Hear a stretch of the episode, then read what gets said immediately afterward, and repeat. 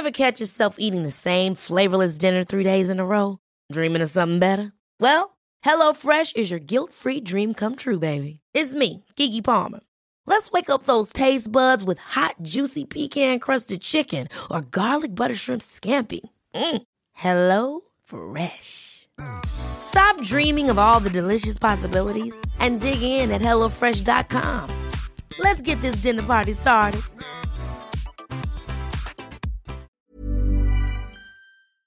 När jag kom då till Amazonas så för det första så var jag ateist. Jag var uppvuxen i ja, Sverige med det svenska eh, eh, materiella, det, det enda som existerade för mig det var den här materiella fysiska verkligheten.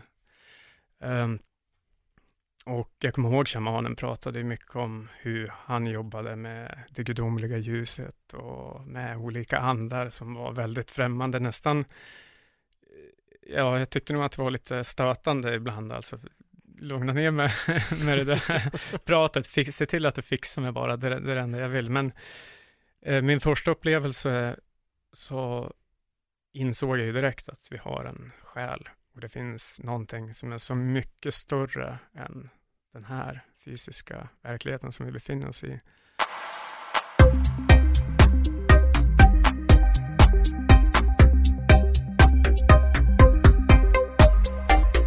Henrik Alin, välkommen till Paul Delvay Podcast. Tack så mycket Paul.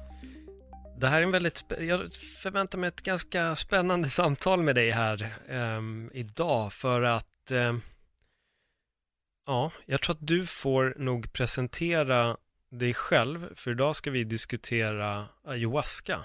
Du befinner dig i Peru, men nu är du här i Sverige och besöker min podd, så nu får jag äran att snacka med Henrik Alin. Ja, tack, tack så mycket. Nej, men det, det stämmer bra. Jag, jag, bor ju i, i Peru i en stad som heter Iquitos eh, och det är ganska nära, det är alltså i, i Amazonas, ganska nära både Brasilien och Colombia. Då. Eh, och det har kallats för ayahuascans huvudstad och det finns ju ayahuasca ja, överallt mm. där, där omkring. Hur, hur hamnade du där? Eh, ja, eh, vi skulle försöka, det är en ganska lång historia, men eh, jag är född och uppvuxen i Sundsvall och har väl haft ganska mm, problematisk liksom uppväxt kan man säga. Jag, jag fick tidigt depression som senare ledde mig in till både missbruk av droger, alkohol och även lagliga substanser, alltså jag gick i psykoterapi, jag har gått igenom alla de här vanliga antidepressiva medicinerna, men det var väl inget som eh, hjälpte egentligen. Jag fick aldrig liksom, jag kom aldrig ur det där, utan jag hade alltid någon slags inre tomhet och den här depressionen med mig. Och sen 2014 efter en skilsmässa, då, då var jag verkligen på rock bottom och eh, planerade att avsluta mitt liv. Då. Och då så fick jag, jag hade väl hört om ayahuasca ganska länge, jag hade läst om det, men det var inte min typ av eh, drog. Jag gjorde mycket kokain, amfetamin och sådana såna grejer. Eh, men där efter skilsmässan så, så tänkte jag att eh, Först så tänkte jag att jag skulle vara ett bättre exempel för min son på andra sidan. Men eh, sen så tänkte jag, men jag ska göra ett, jag gör ett försök. Jag åker till Amazonas, jag åker till de här, jag tyckte nog att det var lite galet med shamaner och psykedeliska substanser och sådär. Men ja, jag åkte dit och gjorde ett retreat. Jag gjorde fyra ayahuasca-ceremonier och eh, det blev en ganska bra, bra resultat där. Eh, ja, hur, hur, långt, hur långt är ett retreat med fyra ceremonier? Är det varje dag? Är det uppdelat på? Ja, det är lite olika. Det här, när jag kom första gången, då var jag faktiskt där. Jag var där 20 dagar, men jag fick börja då, de, den första veckan fick jag inte dricka någon medicin, för jag var full med eh, andra. Jag hade poppat Valium och druckit sprit i sex dagar innan, innan jag kom dit, så jag fick börja med att liksom rensa kroppen helt eh, naturligt. Och eh, sen gjorde vi varannan dag då, gjorde vi ceremonier. Så man gjorde en ceremoni en dag emellan som man vila och processa upplevelsen på. Mm. Så det är lite olika upplägg, men, men normalt så kanske man gör fyra ceremonier på en vecka. Mm. Det är väldigt intensivt. Ja, bara för de som helt inte vet, hur, hur funkar en, en ceremoni? Hur går den till? Eh, och det finns ju olika sätt att göra det här på, men i Amazonas så finns det ju hundratals år, om inte tusentals års erfarenhet, beprövad erfarenhet skulle jag vilja säga. Det här är ju en, en naturlig medicin som, som man dricker under ceremoniella former. Det är ganska seriöst hur man, hur man tar det. Det är ingenting som, du, som att gå och ta en öl, liksom, utan man, man gör en ceremoni och man gör det på natten. Eh, framförallt så vill man att det ska vara helt mörkt. Och det är för att du inte ska ha några externa Eh, föremål föremål att, fokusera på. Så att allting du ser och allting du går igenom, det är alltså, ja, det kommer från, från dig själv. Uh, men det går till, och de är ledda av shamaner, det är shamaner som leder de här ceremonierna. Som, och de fungerar väl som en slags guide under, under den här psykedeliska resan då, som man går, går igenom. Um, men det börjar då med att, uh, ja, utan att bli för teknisk, men det börjar med, enligt som shamanerna ser på det här, så har de ju väldigt mycket kontakt med andevärlden. Det är alltså, alla planter har en ande, ayahuascan har sin egen ande och så vidare. Så man börjar, de börjar med att sjunga sånger eh, som de kallar för ikaros, för att ha kontakt med olika andar och kalla in dem till, till templet. Så så börjar ofta en ceremoni och sen efter det så går shamanen runt och så delar han ut eh, ja, den dos av medicin som man ska dricka och sen är det en resa på ungefär fyra timmar. Och då sitter shamanerna oftast och sjunger och fortsätter med sina sånger. Och, eh... Vad var din eh, upplevelse under din första upplevelse? Ja, den var ju... Jag kan säga så här, de, de två första ceremonierna så kände jag absolut ingenting.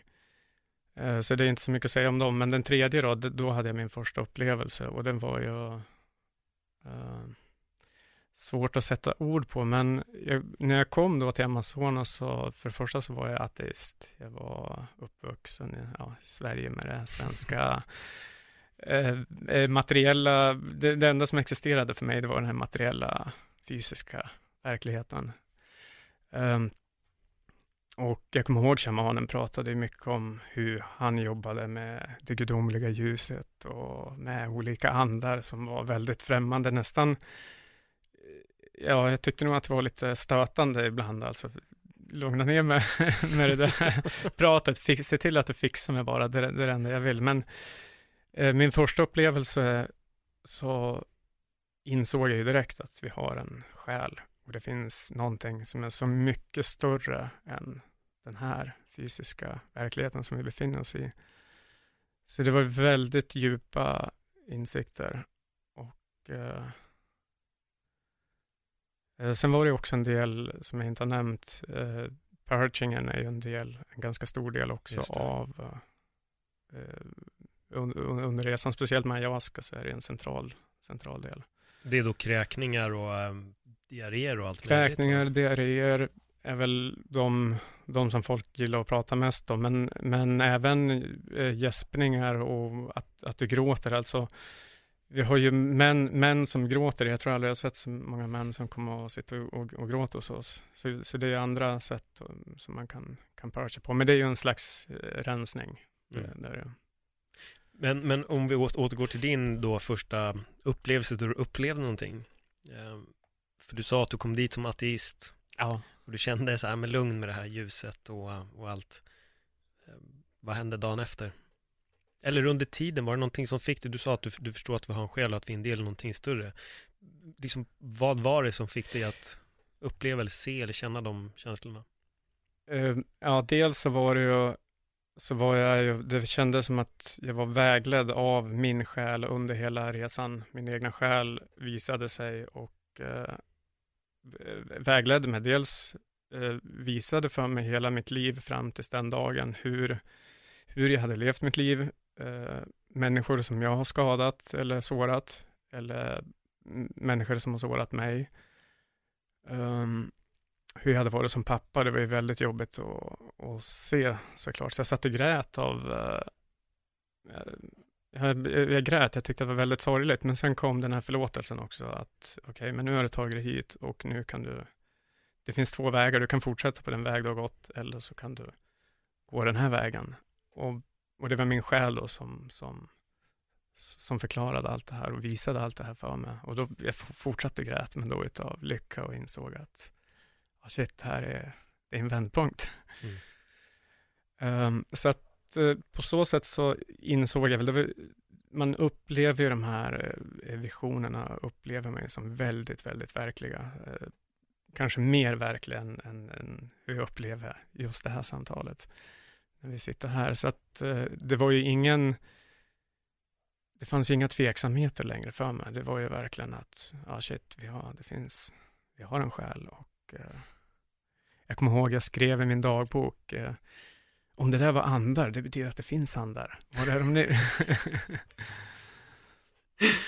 ja. Um, men eh, så, så det var väl liksom det jag gick, med, gick igenom och um, så att uh, dagen efter så var jag definitivt säker på att nej, jag, jag är inte ateist längre. Jag var väl lite, visste väl inte riktigt, men jag hade ju definitivt fått uh, en övertygelse om att det finns något mycket, mycket större. Mm. Hur kändes det? Att det, det är en, det är en radikal vändning. Alltså att gå från att just det här ateistiska tänket som vi har här i Sverige och andra delar av, av världen också. Men vi har ju ändå en väldigt stark tro, många har ju ändå en väldigt stark tro att det finns ingenting, det där hokus pokus, massa bullshit, bla bla bla, Valhall fanns inte. Vi vet liksom, mm. även fast vi inte har något bevis på egentligen något, eh, så, så har alla sitt, sitt svar att då gå till att helt plötsligt känna att jo men fan det finns, det finns någonting större. Alltså det, det tar ju många, många år för folk att börja ändra ett sånt tänk, men för dig tog det då några timmar. Ja, exakt.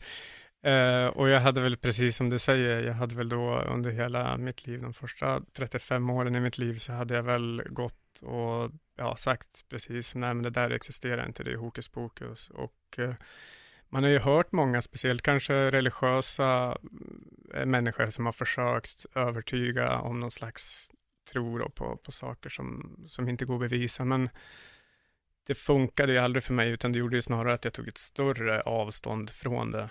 Men jag tror, har man en direkt upplevelse så det går liksom inte att förneka längre. Så att det var väldigt glasklart. Däremot så skapar det ju massor med nya frågor också såklart.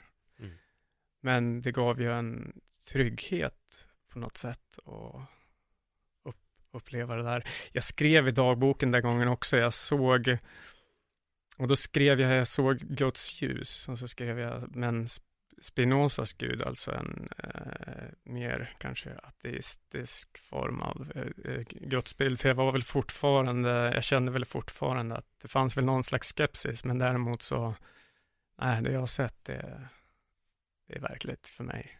Mm. Hur var andra eh, resan? Och sen andra resan, då den gången som jag åkte så var det egentligen, det var liksom den här första, första resan eh, som var den stora upplevelsen. Man kan säga att jag hade egentligen bara en riktig upplevelse då på den, den första resan. Men det var mer än tillräckligt för att liksom eh, Ja, dels så tror jag bara den här, det faktum att jag förlät mig själv och andra för så mycket. Och eh, också hitta någon slags, det gav ju någon slags mening också. Jag kunde ju tycka med, livet var väldigt meningslöst, men eh, det gav ju, ja, det gav ju någon, någon, slags mening. Så att det var väl egentligen bara en, en viktig resa som jag hade då, en, en viktig upplevelse och det var, det var den där första. Hur, hur reagerade folk när du kom hem? Jag tänkte just när du säger det, att du kunde både förlåta och bli förlåten. Jag tror att, eh, ja det var ju såklart väldigt stort, speciellt med mitt eh, trassliga liv som jag hade haft innan, så hade jag väldigt mycket skam i ja, hur jag har levt, så jag fick ju leva någon slags dubbelliv, det gör väl kanske de flesta. Mm, Ofta så sätter man ju på sig en mask, man har någon slags roll liksom. Men det var ju en stor del av mitt liv som jag inte kunde prata med många, till exempel. Ja, när jag missbrukade kokain, liksom. Jag snortade cola i varje dag under, under två år. Det var ju ganska få som, som visste och det var ju svårt för mig liksom att, att, att prata om det här. Eh, ayahuascan visade snarare att det är en, ja, ser det där som en, som en styrka. Det är ju, det är ju upplevelser också och lärdomar som kanske kostar mycket, men det, det går ju att ta någonting bra från, från allting. Um, jag tror hur folk reagerade på var väl framför allt min läkare tyckte väl att det var konstigt att jag kom hem med, med större delen av förpackningen av Valium som jag hade blivit utskri som fått, fått utskriven. Jag fick 200 Valium och sen skulle vi börja trappa ner och det skulle ta 68 månader.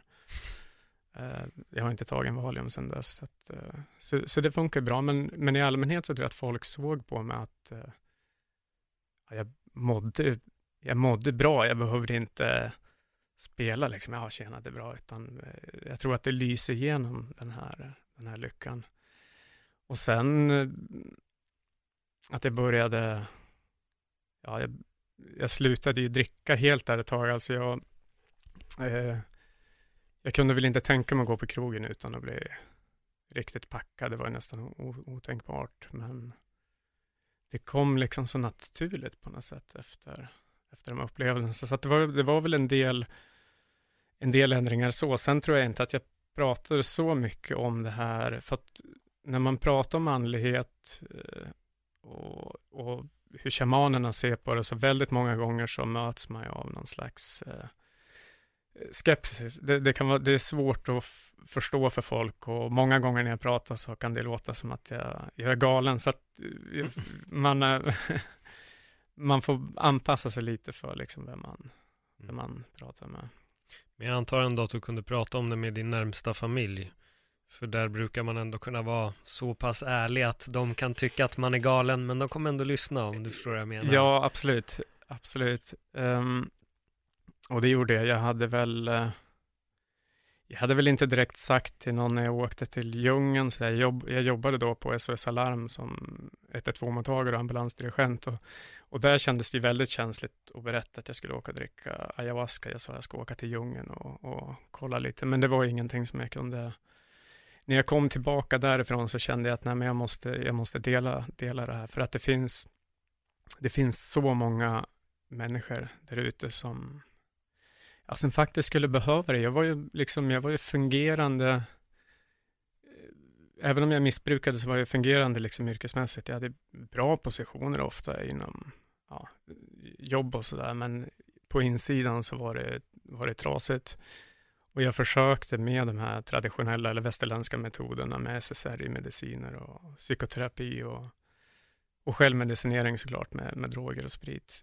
Uh, och ingenting fungerade, så att när jag såg hur, och, och, även såg på de andra som var där på mitt retreat, alltså såg vilka, vilka förändringar det gjorde, så kände jag att nej men det här, jag kan inte, det kan vara, må hända att det är stigmatiserat, men jag kan inte hålla tyst om det här, för det, det skulle vara en, en björntjänst för dem som behöver det. Liksom.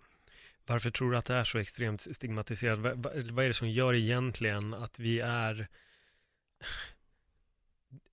Alltså man, jag, jag, läser, ser väldigt mycket och man, man ser också att den traditionella medicinering som finns just nu hjälper, men den hjälper inte så många som faktiskt får medicineringen. Ändå så kan folk i all godan tro, om en doktor säger ta det här, så är det så här, ja, det är bara att ta. Det är inga frågetecken. Men om någon säger, du kanske borde åka ut till djungeln och dricka ayahuasca. Nej men gud, det är ju knark. Mm. Det blir, man går direkt in på det här jätte, Inte alla. Jag, jag, tror ändå att vi börjar få en liten öppnare syn kanske på just de här substanserna. Jag tror speciellt ayahuasca för att det, det börjar talas om det så pass mycket. Men Veronica Maggio tror jag till och med är det som har gjort en sång som heter ayahuasca. Där hon sjunger om det, vilket är väl kanske man inte hade gjort för tio år sedan. Men jag, jag vet inte, jag blir, vad, vad tror du att det är som gör att folk är så jävla rädda när det dyker upp de här sakerna? Ja, det är ju, jag, jag vet det, jag tror väl speciellt i Sverige så är väl hela liksom eh, drogpolitiken eller kulturen eller det sätt vi har sett droger på är, har blivit väldigt eh, väldigt olyckligt tycker jag generellt. Dels alla droger har blivit ihopklumpade, allting är knark.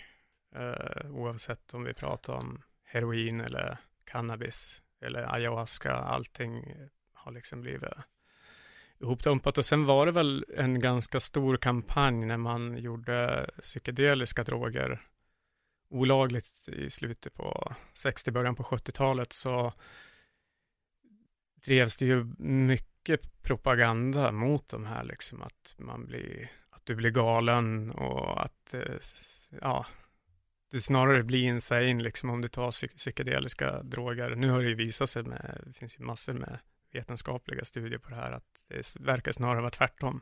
Mm. Att om du är insane så kanske det kan, kan vara en bra medicin. Så att det har väl, det är väl mycket, eh, mycket av den här propagandan som vi har fått av politiker som inte har haft någon som helst aning om vad det egentligen handlar om. För det är intressant ändå när du tar upp det i det att på 50 och, jag vet inte om det var 60-talet eller 50 och 60-talet så bedrevs det också väldigt, väldigt mycket forskning på just LSD på den tiden. För att just då bota folk eh, med psykisk ohälsa. Ja. Och det gick framåt väldigt, väldigt starkt. Men sen så kommer den här att de stängde dörren. Men, men nu verkar det som att man kan börja titta på det igen. Och för er som inte har hört avsnittet med Filip Bromberg från psykedelisk vetenskap eller nätverket för psykedelisk vetenskap så tycker jag att ni ska lyssna in det. Um, så det känns ändå som att det börjar ske någon, någon form av förändring. Um, men du stannade ju liksom inte bara där heller med att det var en positiv upplevelse för dig. Utan du valde ju också att faktiskt flytta till djungeln. Mm. Och uh, starta ditt eget retreat om jag inte har helt fel va? Ja, stämmer. Ja. Va, va, hur reagerade folk på, på det? Um, ja, och det var ju en liten, det var ju en liten övergångsperiod när jag dels uh, kom hem och eh, sen så gjorde jag en jag fick en möjlighet att, att, dricka ayahuasca i Spanien och jag kan väl säga att efter den där upplevelsen så jag tänkte väl på det varje dag. Vad, vad var, shit, vad var det som hände liksom? Det där var så stort och jag kände att det fanns, jag satt och planerade hur jag skulle ta min nästa resa nästa år. Och sen fick jag då en möjlighet att dricka ayahuasca i Spanien och där blev det väldigt, väldigt klart för mig. Där Eh, så kom jag i kontakt med ayahuascans ande som sa till mig att Henrik, åk tillbaka till Amazonas och avsluta vad du har påbörjat. Och veckan efter så, så, så sa jag upp mig och då, då, mm, då hade jag väl kanske ingen tanke på att starta ett retreatcenter så direkt, utan det var väl mer min egna healing som, som jag kände att okej, okay, ayahuascan har så mycket mer att ge mig och visa mig, så jag måste åka tillbaka och ta tag i mig själv först och främst och sen kommer allting annat att, lösa sig. Eh, men visst fick jag väl många konstiga kommentarer om att liksom, ska du verkligen åka dit till en by? Det finns ingen elektricitet, eh, inga, eh, ja, ingen infrastruktur liksom som, som vi är van vid, vid här. Men eh, det var, mm, ja, det var det bästa, bästa jag har gjort liksom. Det var ju eh, fantastiska upplevelser den första, ja, nästan första året så så bodde jag då i en liten byklinik som drivs av de två shamanerna som jag jobbar med. Eh, en liten hydda på 25 kvadratmeter, inga myggnät och eh, man grävde ett hål i backen för att skita, så att det var ju väldigt, väldigt basic. Eh, men också underbart på, på så många sätt. Dels få komma så nära och se vad det verkligen är som, som händer och sättet som de, hur de ser på saker som såklart är väldigt långt ifrån vårat mm. Eh, synsätt. Vilka lärdomar fick du de första liksom tiden som du var där? Jag tänkte just för att de har ju ett väldigt annorlunda synsätt, absolut. Det är en, det är en helt annan kultur mot, mot vår. Men vad, har du några lärdomar som du kände verkligen kunde hjälpa dig i rätt väg eller förändra ditt synsätt på livet?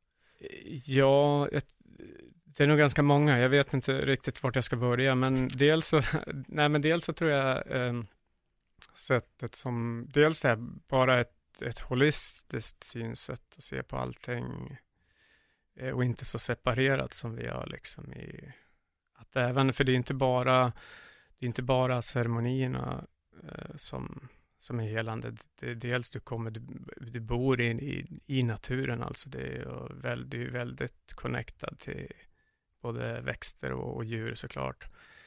eh, maten du äter, du äter ju väldigt hälsosamt. Eh, så att det, det, det, finns ju mycket, men sen att se på um, sättet de lever också. Jag, jag, stress är ju någonting som Ja, det existerar i princip inte där. och hur mycket den ställer till för oss i, mm. i, i, våra liv. Liksom här, vi springer omkring och här är jag konstant stressad och ska till nästa ställe eller göra nästa grej eller eh, nästa, nästa mål. Det är ju en, takten på livet är ju också, så att, så att det är många, det är många grejer som jag tycker vi kan ta med oss från och, och lära, lära utav dem. Sen har ju vi lite grejer när det gäller att organisera saker, så är kanske vi har ett litet försprång här i, i, i våran del av världen som vi kan lära dem. Då, så att... Ja, men någon form av kombination kanske. Ja. Med, med vissa saker ja. där. Men jag måste fråga, jobbar du där som shaman eller? Nej, Nej. Eh, jag jobbar inte som shaman, utan jag, Eh, då, då när vi började, så Guido som är, ja, Guido är ju en ja, han är som min bror alltså. Det är min shaman som jag, som jag träffade då och eh, men även lärare och mentor alltså. Jag har ju lärt mig väldigt mycket från honom och han kommer från en eh, familj de med hans farföräldrar och så vidare generationer så har de varit healers eller shamaner.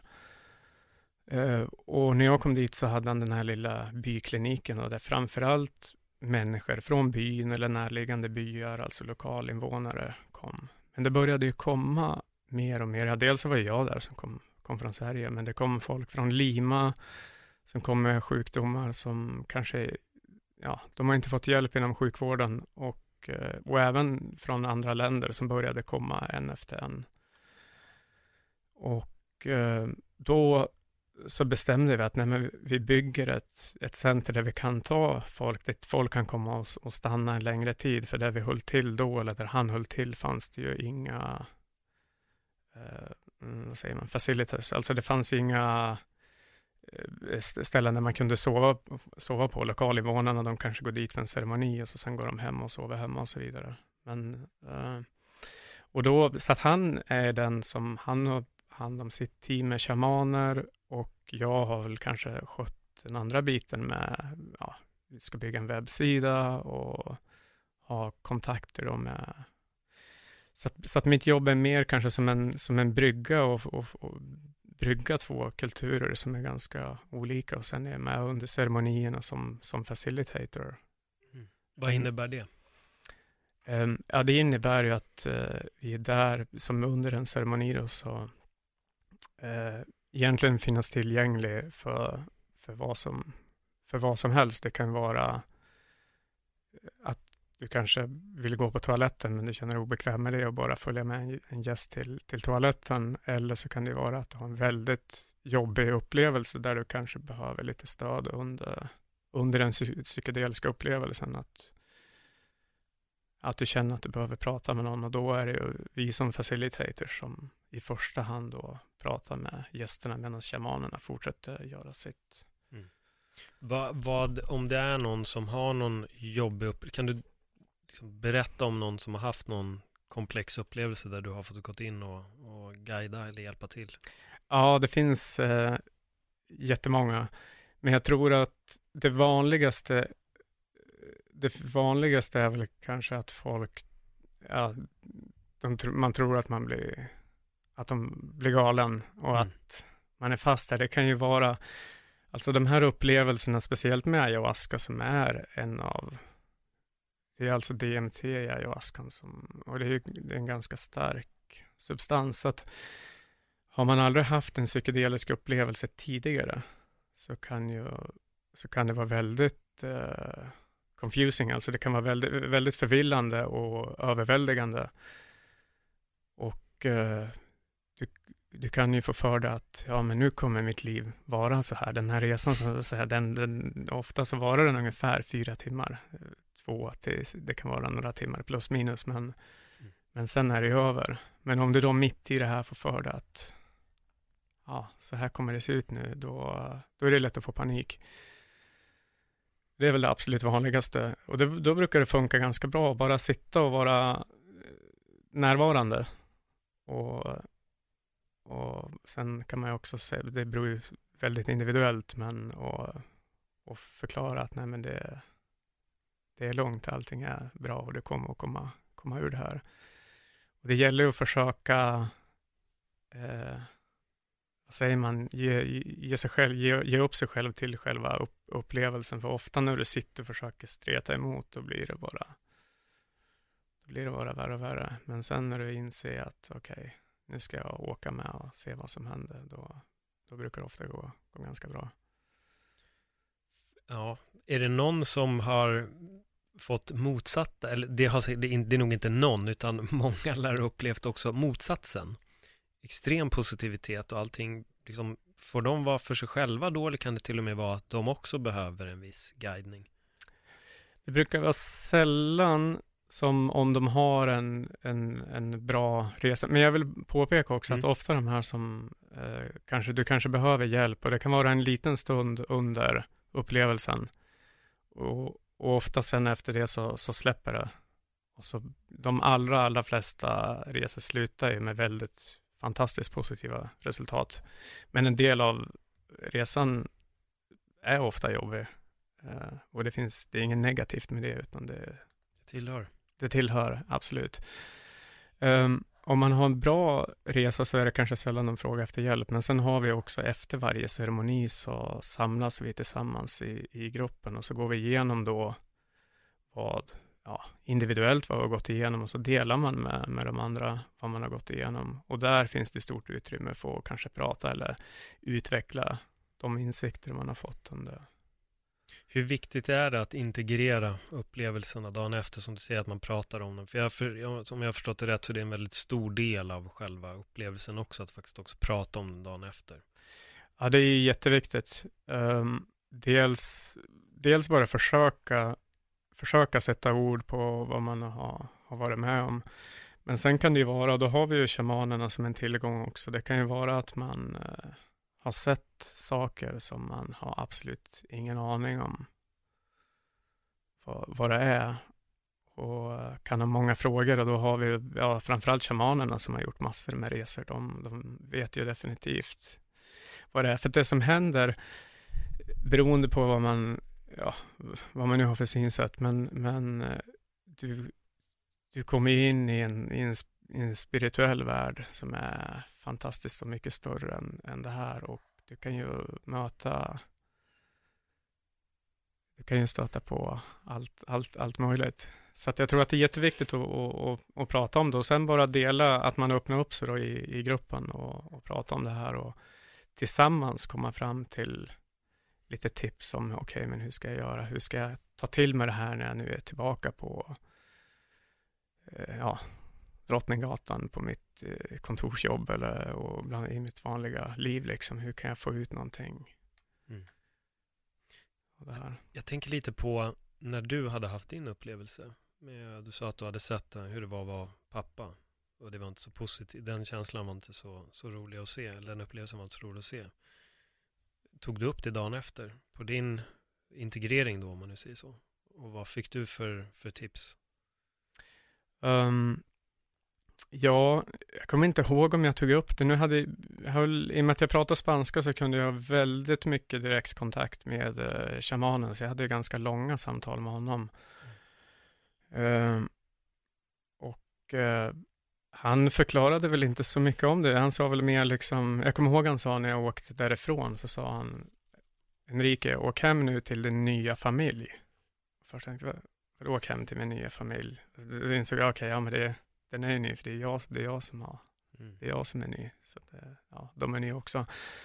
Uh, men det jag tror att det var, det var väl mer att jag skulle få, uh, få se Eh, dels pratar man ju ofta om death and rebirth, en väldigt, väldigt vanligt förekommande i, i ayahuasca-ceremonier, att man upplever, ja du kan uppleva att, att, att du dör, men också att du föds, att du föds på nytt.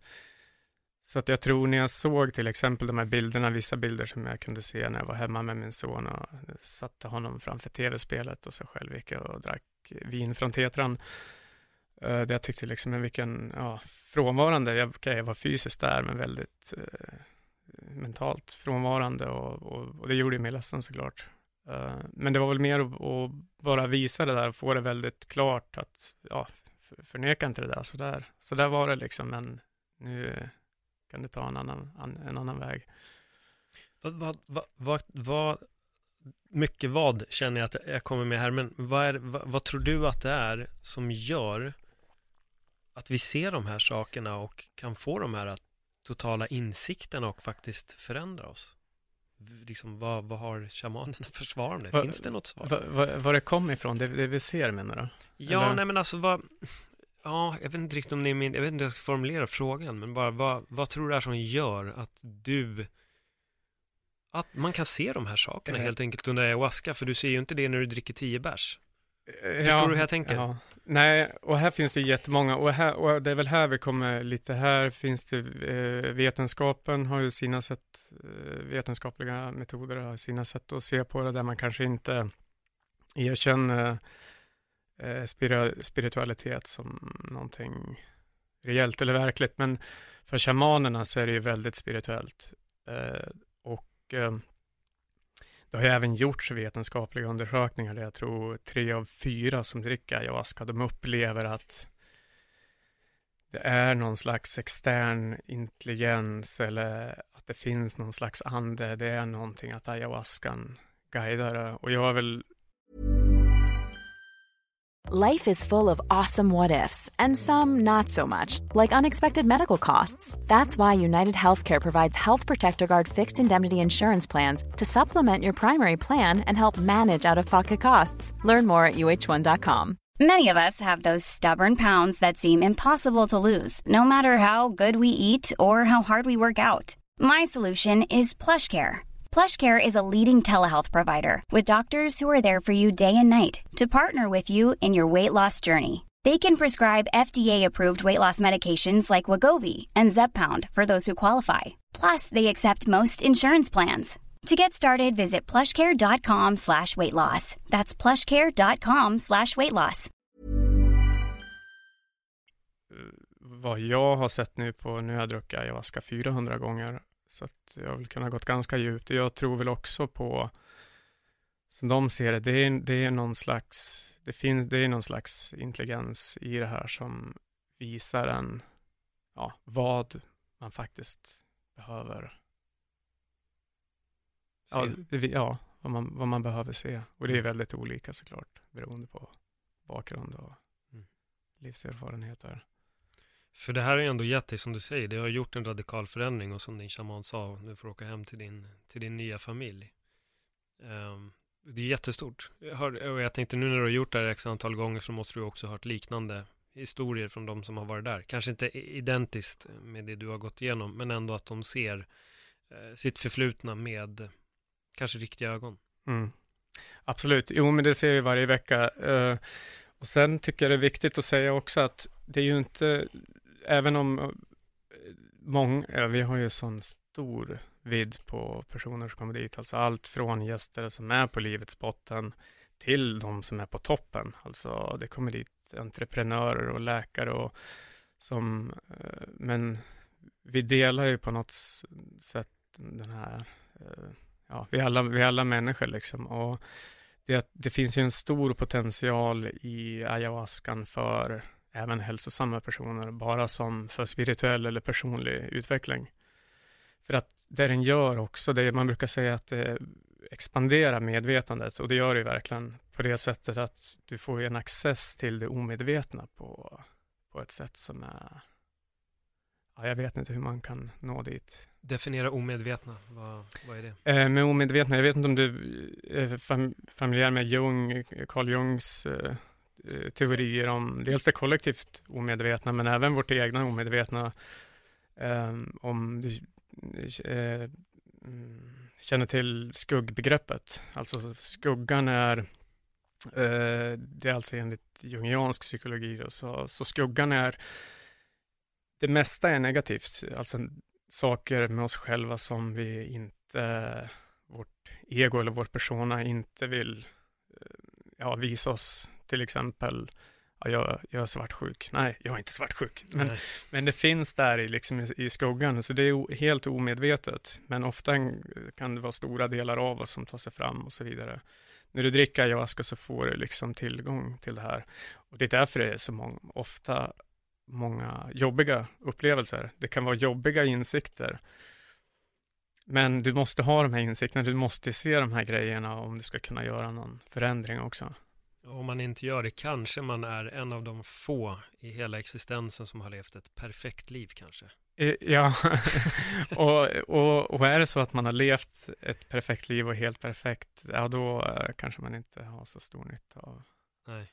ayahuasca, men eh, jag har inte träffat någon sån än. Jag tycker det är intressant också att du säger att eh, både entreprenörer och folk som bara vill förhöja sitt medvetande kommer dit. Eh, vad, vad får de för typ av upplevelser? Särskiljer sig de från de som är på livets botten eller är det samma typ av upplevelser de får?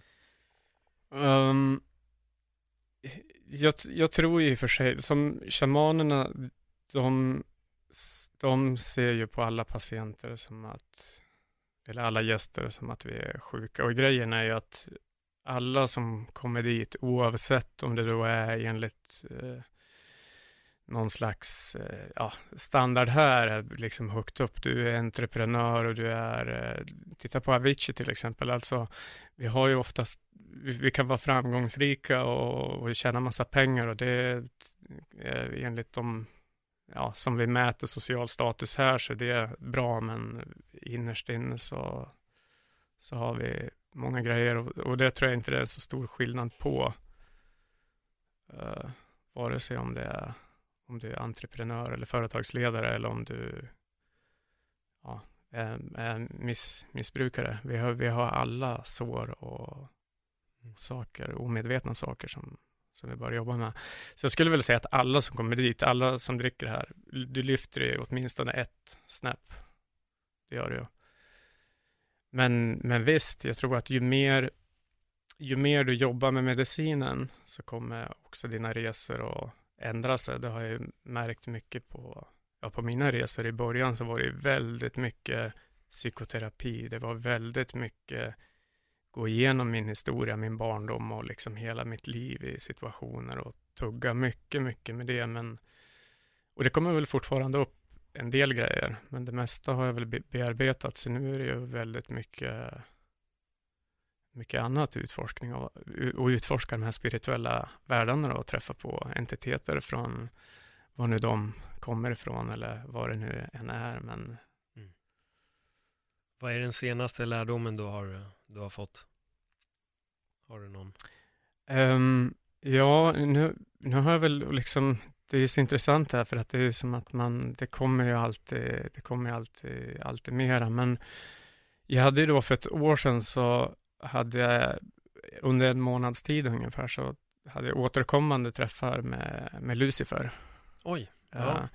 Och det var, det var väldigt, uh, väldigt intressant och bara för kanske två veckor innan jag åkte hit nu så, så, så kom han upp igen och, uh, och skakade, han ville skaka hand och min första reaktion var liksom, vänta, ska jag skaka hand med Lucifer? Det, jag gick faktiskt upp till shamanen och frågade i ceremonin och berättade att Lucifer är här och han säger så här, om du skakar hand med mig så kommer jag sluta störa det. Och shamanen sa direkt, ja, ge honom handen.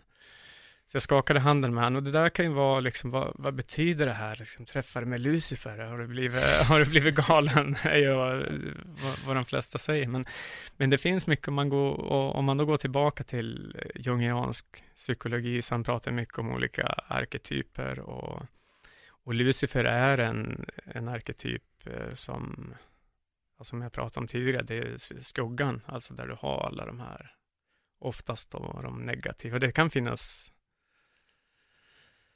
positiva grejer i, i skuggan också, men det blev liksom skambelagt eller någonting så att man inte, inte tar fram det. Så att jag har gjort väldigt mycket skuggarbete och jobb, jobbar väldigt mycket med mina eh, skuggor och eh, ja, med mina negativa sidor och det är, det är fantastiskt. Dels att kunna erkänna, erkänna dem, för det gör man ganska ogärna, så därför blir de liksom omedvetna.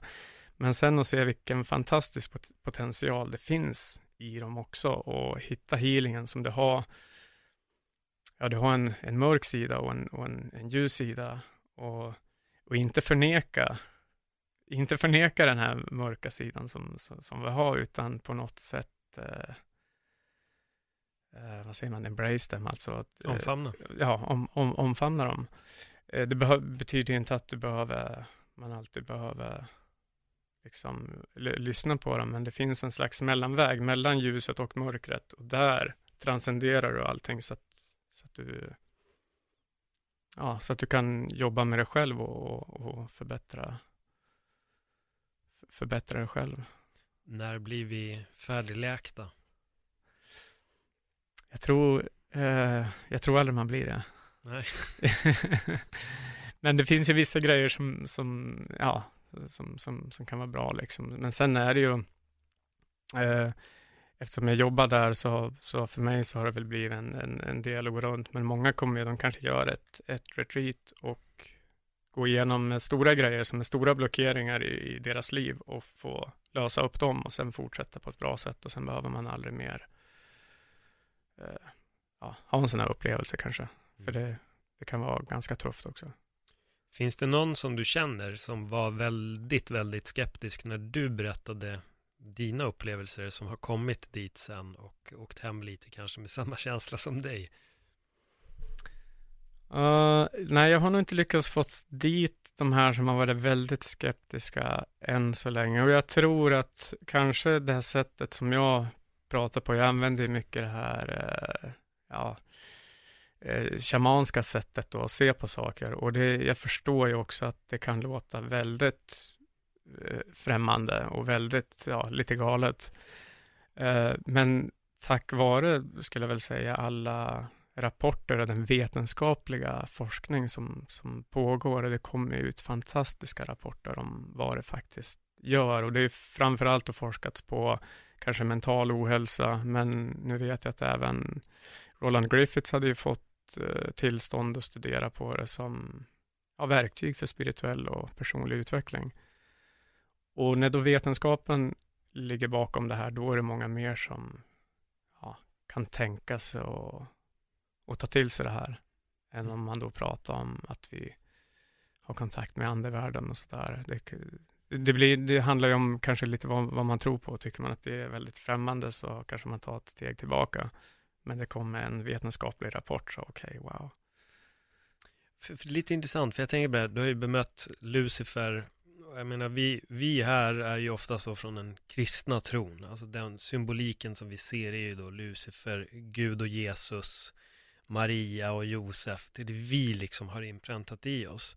Men jag kan tänka mig att shamanerna, eller där i Peru, de lever väl inte riktigt efter kanske den så kristna Ehm, bild, bildligheten kanske, eller har jag fel? Nej, även om de har, fast de har väl de kristna, eh, kristna inslag också, men de har ju, det är väldigt mycket eh, kontakt med natur, alltså andeväsen från, från naturen själv. Alltså det kan vara från ett berg eller från Amazonasfloden eller från alla olika planter och så vidare. Men jag tror att de har ändå eh, ändå en ganska så kristen världsbild. Jag vet inte hur mycket det skiljer egentligen. Liksom, det verkar ju som, jag var ju ganska ointresserad av religion, det är jag väl i och för sig fortfarande, men inte av andlighet. Men de är, det är ju ganska lika det här ändå. Det verkar ju oavsett om du sitter eh, i en isolerad by i Amazonas och dricker ayahuasca eller om du sitter i Tibet och mediterar eller någonstans så verkar det ju ändå som att vi när vi går in i de här spirituella domänerna så finns det någonting som är väldigt, väldigt likt. Det är alltid ljuset eller mörkret, vad vi än är kanske. Ja, ja så är det ju. Och, och uh, um, ja, precis. Nej, så att det, det, ofta så, så är det väl två, två sidor. Ja. Mm. Hur länge sa du att du hade varit här nere? Var det 2014 du åkte ner första gången? Ja, efter skilsmässan då 2014 så åkte jag ner sista gången och sen nu de senaste tre åren så har jag varit där konstant. Mm. Som jag har bott förutom en sväng förra året när jag åkte hit och hämtade min, min son som fick vara där i ett år Mm. nästan. Vad säger din familj? Hur ser de förändringen på, på dig? Jag tror att först så möttes det såklart med mycket skepsis. Framförallt det faktum att jag skulle flytta så långt ifrån min son tror jag att, men jag har till och med tappat en del vänner som tyckte att det var väldigt dåligt beslut. Men um, så att mycket skepsis och sen det här med att det stigmatiserats. Folk tänkte väl okej, okay, men eh, nu ska han till Amazonas och ta droger där och det är bara något, liksom att det är någon slags fortsättning på allting. Men sen tror jag med tiden så har ju folk sett förändringen och även kanske prata med andra som har gjort den här typen av eh, behandlingar eller upplevelser och man ser ju faktiskt ja, en, en stor skillnad till det, Mm. till det bättre liksom. Är det många från Sverige som åker till Peru? Vi har haft eh, vi har ju haft en del svenska gäster såklart. Eh, men långt ifrån en majoritet. Jag, jag tror nog att Sverige fortfarande är eftersom vi är så väldigt eh, alltså spiritualitet eller andlighet ju, känns som väldigt främmande i det moderna Sverige. Så jag tror att det finns fortfarande väldigt mycket skepticism bland svenskar Mm. till det här. Även om, som sagt, vetenskapen hjälper definitivt till att, att få bort stigmatiseringen. Hur många är det i en eh, ceremoni som dricker ayahuasca? Och eh, på centret där jag jobbar så vi kör med små grupper. Vi kör med max 12 deltagare. Jag vet att det finns en del center där det kan vara upp till 40.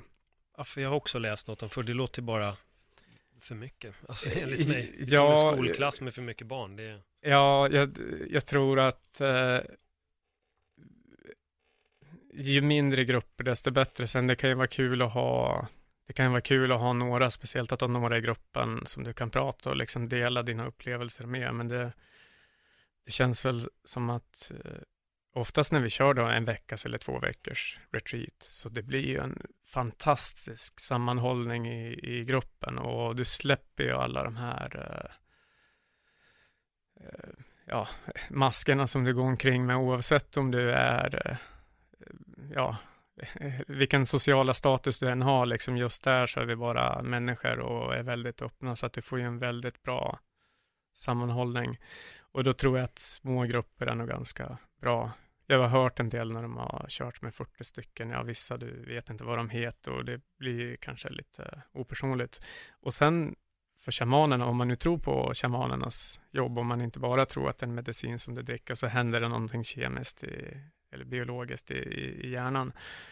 Eh, då måste du också låta shamanen få lite tid och, och hjälpa dig att jobba med det. Och då är det också bra att ha en liten grupp. För det är just det där integreringen också som väldigt många pratar om. Mm. Att det är väldigt viktigt, för ni, man måste ha en klar intention också när man går in va? Ja, det ska, man, det ska man ha. Vi brukar säga att eh, ta med en intention men ingen expectation. Min, Förväntningar. ja, inga, inga förväntningar. Förväntar, men, att, men att du har en intention, det brukar hjälpa, det brukar hjälpa jätte, jättebra. Sen, sen vid andra gånger så kanske det här är min intention och så får det någonting helt annat. Det, det kan ju hända. Eh, men, eh, men oftast så får du ganska bra svar på, på. Hur manifesterar sig ett svar? Så, Ja, jag kan ta ett exempel. Vi hade en kille, eh, han var, han gjorde här, kameraman, reklamfilmare från Irland, kom dit och han så jag frågade liksom, vad är dina intentions? Och då sa han, nej men jag vill ha lite guidning i livet eh, och framförallt kanske att utforska mitt egna medvetande.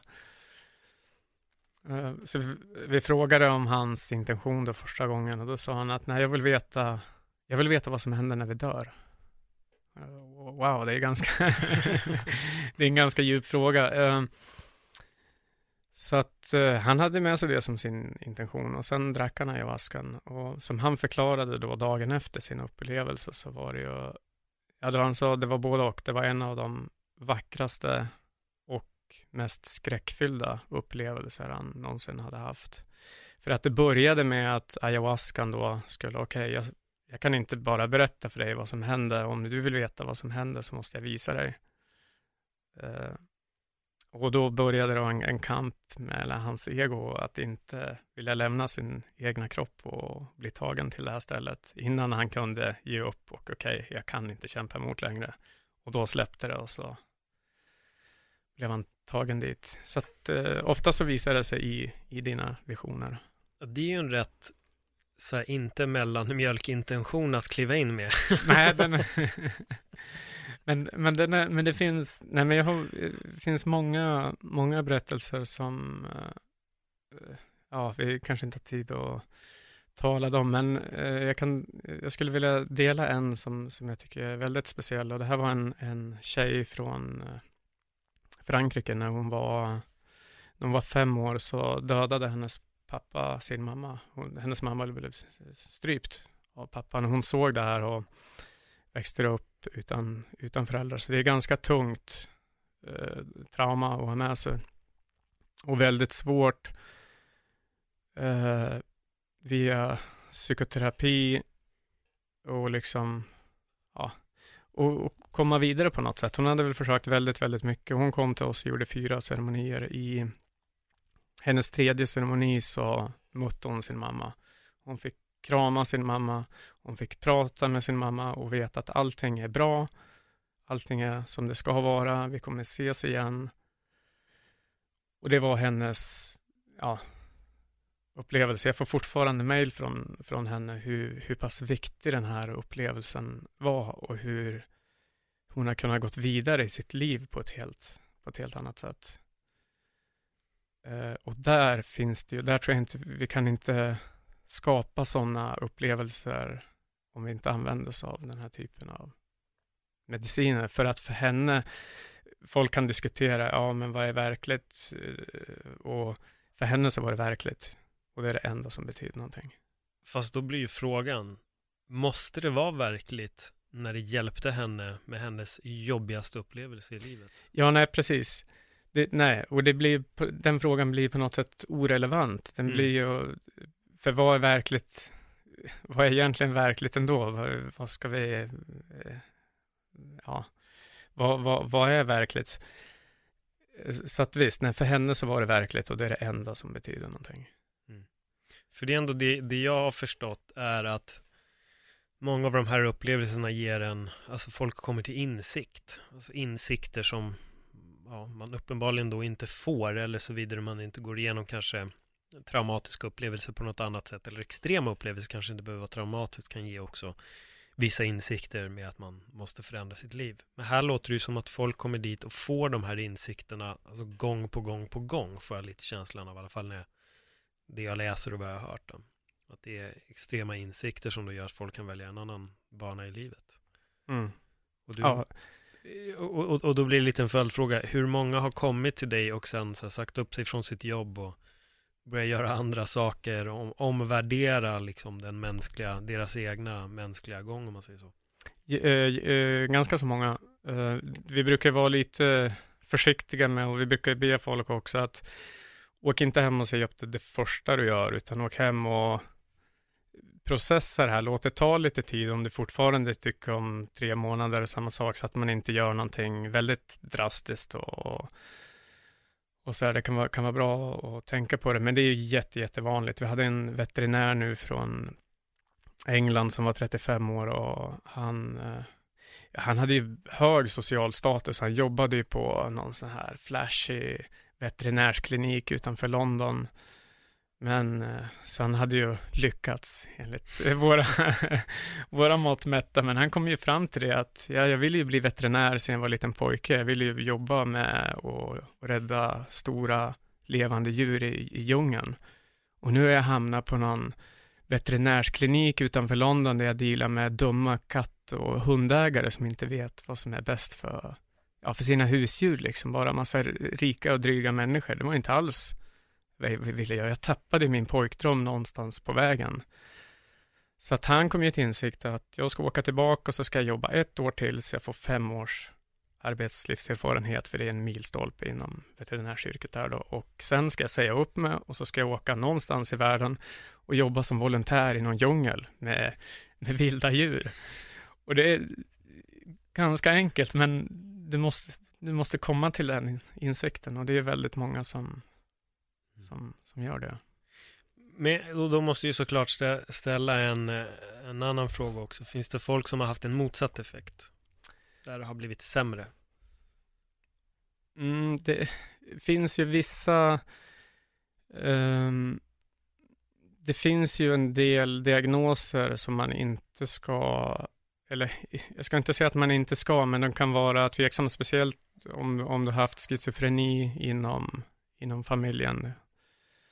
Eh, så det är en riskfaktor, det skulle kunna trygga, trigga en, en psykos eller och även bipolära så finns det också en, en risk att det skulle kunna trigga en manisk episod. Så att det finns ju vissa eh, grupper som man kanske inte bör jobba med. Vi är väldigt försiktiga med det här. Man går igenom, dels går man igenom en, en medicinsk historia för att undvika, undvika det här. Men eh, jag brukade säga att på vårat center, vi har inte haft en enda som har ångrat att de kom hit.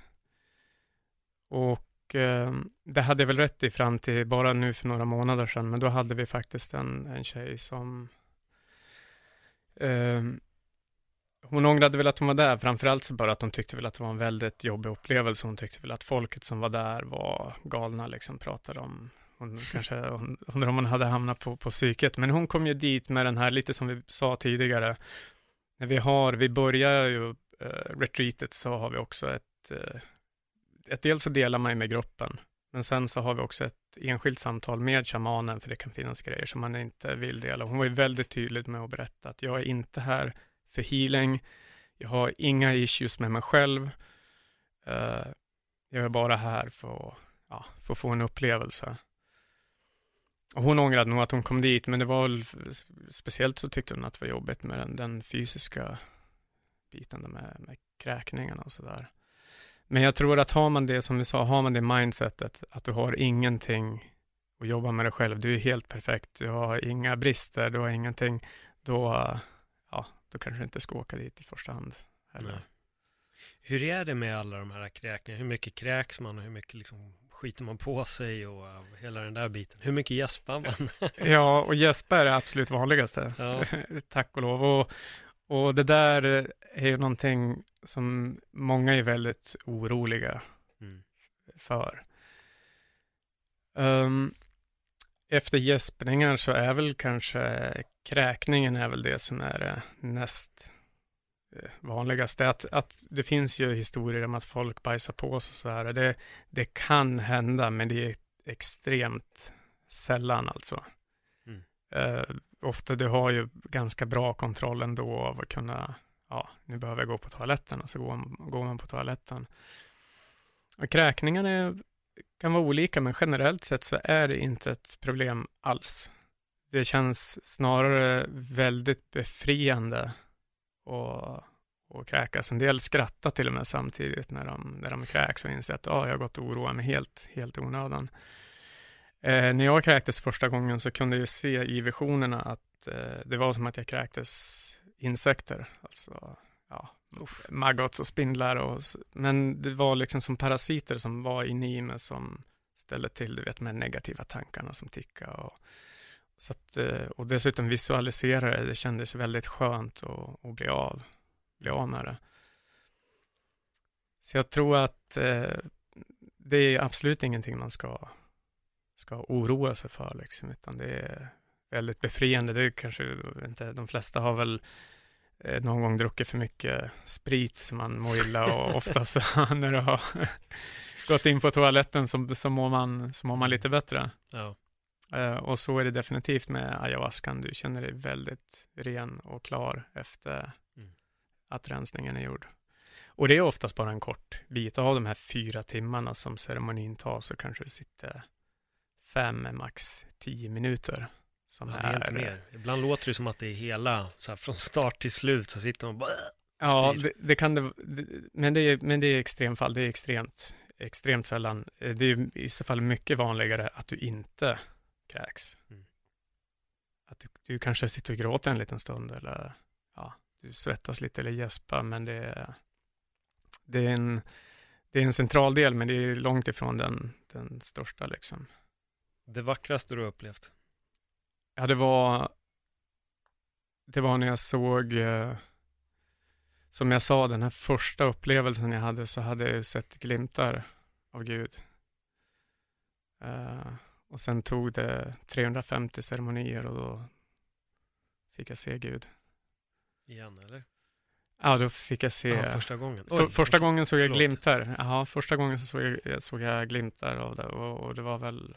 Jag hade väl med mig någon slags skepsis väldigt länge. Uh, och uh, ja, det var i början på det här året faktiskt som, mm. var, som, som jag fick se vad som skulle kanske beskrivas i, i, i, i Bibeln som det, ja, Guds kungarike eller ja, beroende på vilken religion du, du kommer ifrån, men det är alltså källan. Fick du något budskap eller någon eller var det bara en? Nej, men för mig så var det väl, det var väl en insikt om att uh, ja, det här, det här, den här upplevelsen som vi har här på jorden är väldigt liten ändå mot för ja, allt, allt som finns. Och det ger också någon slags säkerhet eh, för mig, för mig då, så, så känns det ju jag är inte rädd för döden längre till exempel, utan jag, det kanske man inte är om man har en personlig övertygelse om att det finns någonting annat. Mm. Så det är ju en stor trygghet. Vad händer, Och, vad händer efter döden? Ja, då går vi vidare. Då går vi tillbaka till där vi kommer ifrån. och sen, sen därifrån så, så tror jag att vi har möjlighet och om vi skulle vilja inkarneras igen så kan vi göra det. Men vi behöver inte, vi kan stanna där i den spirituella världen ett tag också. Mm. Om du hade kunnat ringa dig själv för tio år sedan och berätta de här sakerna, vad hade då Henrik sagt? Ja, Henrik hade nog sagt att eh, ska du inte åka till psykakuten? eh, definitivt, jo men det, det, det hade jag nog gjort. Jag, jag tyckte att det var jättesvårt att, att höra på folk som pratade om upplevelser. Men jag tror att skillnaden, som till exempel med ayahuascan då, är ju att eh, du behöver inte tro på någonting. Du behöver inte tro på absolut någonting, men har du en direkt upplevelse så, ja, upplever du någonting som är verkligt för dig så... Det blir svårt att förneka. Det blir väldigt svårt att, att förneka. Men visst, jag håller med. Det kan låta, ja, det kan låta helt jävla galet. Ja, men jag tyckte det var intressant, för du sa det innan, att du var ju, du åkte ju dit som ateist. Och jag tycker att det är väldigt intressant att en ateist kan ta någonting som får en att bli troende. Um, alltså bara att leka med just bara den lilla tanken blir, blir väldigt intressant. Um, och jag hör ju att du har haft ett gäng, ett gäng, gäng upplevelser och um, Ja, du är ju väldigt uppenbarligen inte själv om dem. Utan det verkar ju vara som att det kommer liksom folk och får de här upplevelserna. Jag har ju läst om de här upplevelserna eh, tidigare så det är inte helt nytt att höra. Däremot kanske är det för vissa sitter och lyssnar. Så tror jag att det är väldigt nytt att höra. Som men fan kan man vara ateist och helt plötsligt bara, men det finns en gud. Alltså det är, mm. det väldigt spännande. Jag tycker att det är, det är väldigt spännande och intressant att lyssna på. Och sen är ju när, när man Eh, just ordet Gud också kan ju vara väldigt laddat för att speciellt ja, beroende på vad man tycker om, om religioner och sådär, men jag var ju väldigt länge eh, och det är väl fortfarande emot den organiserade, ja, de organiserade religionerna som kanske inte autentisk andlighet, men Eh, och man har fått, man har skapat sig en gudsbild på något sätt. Min gudsbild då för tio år sedan är nog väldigt annorlunda också än, än vad den är nu. Mm. Jag tror min gudsbild var att ja, men det sitter någon gubbe uppe på något mål någonstans och sitter och bestämmer vad vi ska göra. Och, och, och har man då den gudsbilden och så hör man ordet Gud så låter det väl väldigt, mm. främmande. Nej, det kan jag verkligen tänka mig. För att avrunda, finns det någonting som du känner att vi inte har tagit upp som du vill säga innan vi säger hej då?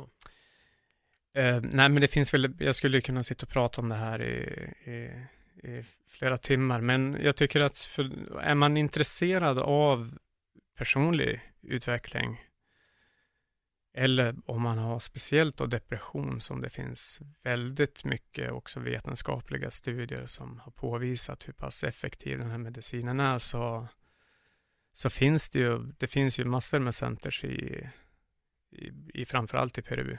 Så, så man kan, så tycker jag man ska absolut inte vara rädd för, för det här utan det kan, det kan hjälpa väldigt många oavsett vart man är i livet.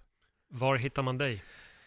Mig hittar man, jag har en blogg som heter djungelliv.se, den är väl inte så jätte, jag försöker uppdatera den lite, lite då och då, men där, Mm. eller på företagets webbsida lalunadellamazonas.com.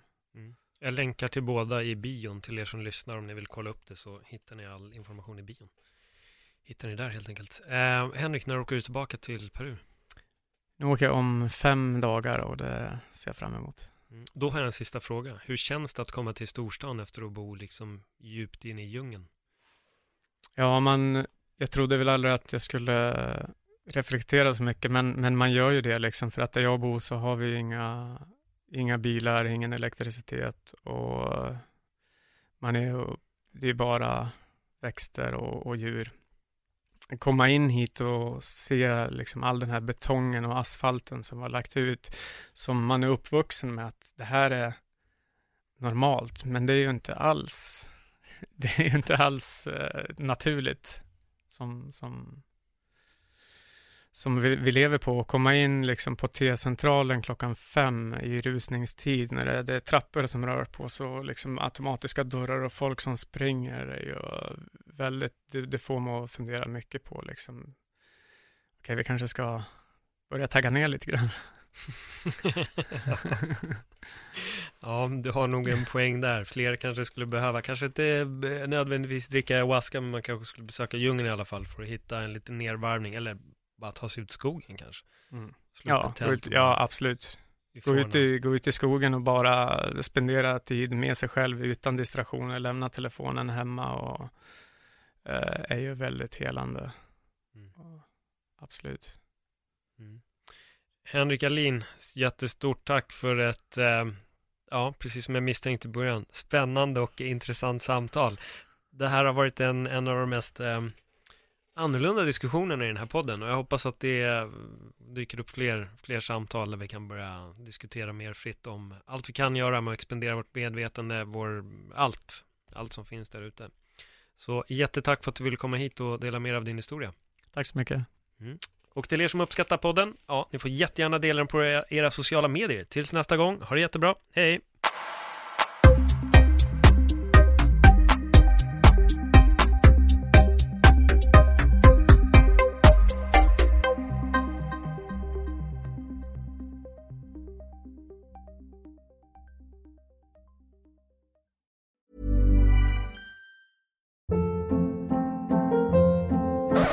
Hold up. What was that? Boring. No flavor. That was as bad as those leftovers you ate all week. Kiki Palmer here, and it's time to say hello to something fresh and guilt-free. Hello Fresh. Jazz up dinner with pecan-crusted chicken or garlic butter shrimp scampi. Now that's music to my mouth. Hello Fresh. Let's get this dinner party started. Discover all the delicious possibilities at hellofresh.com.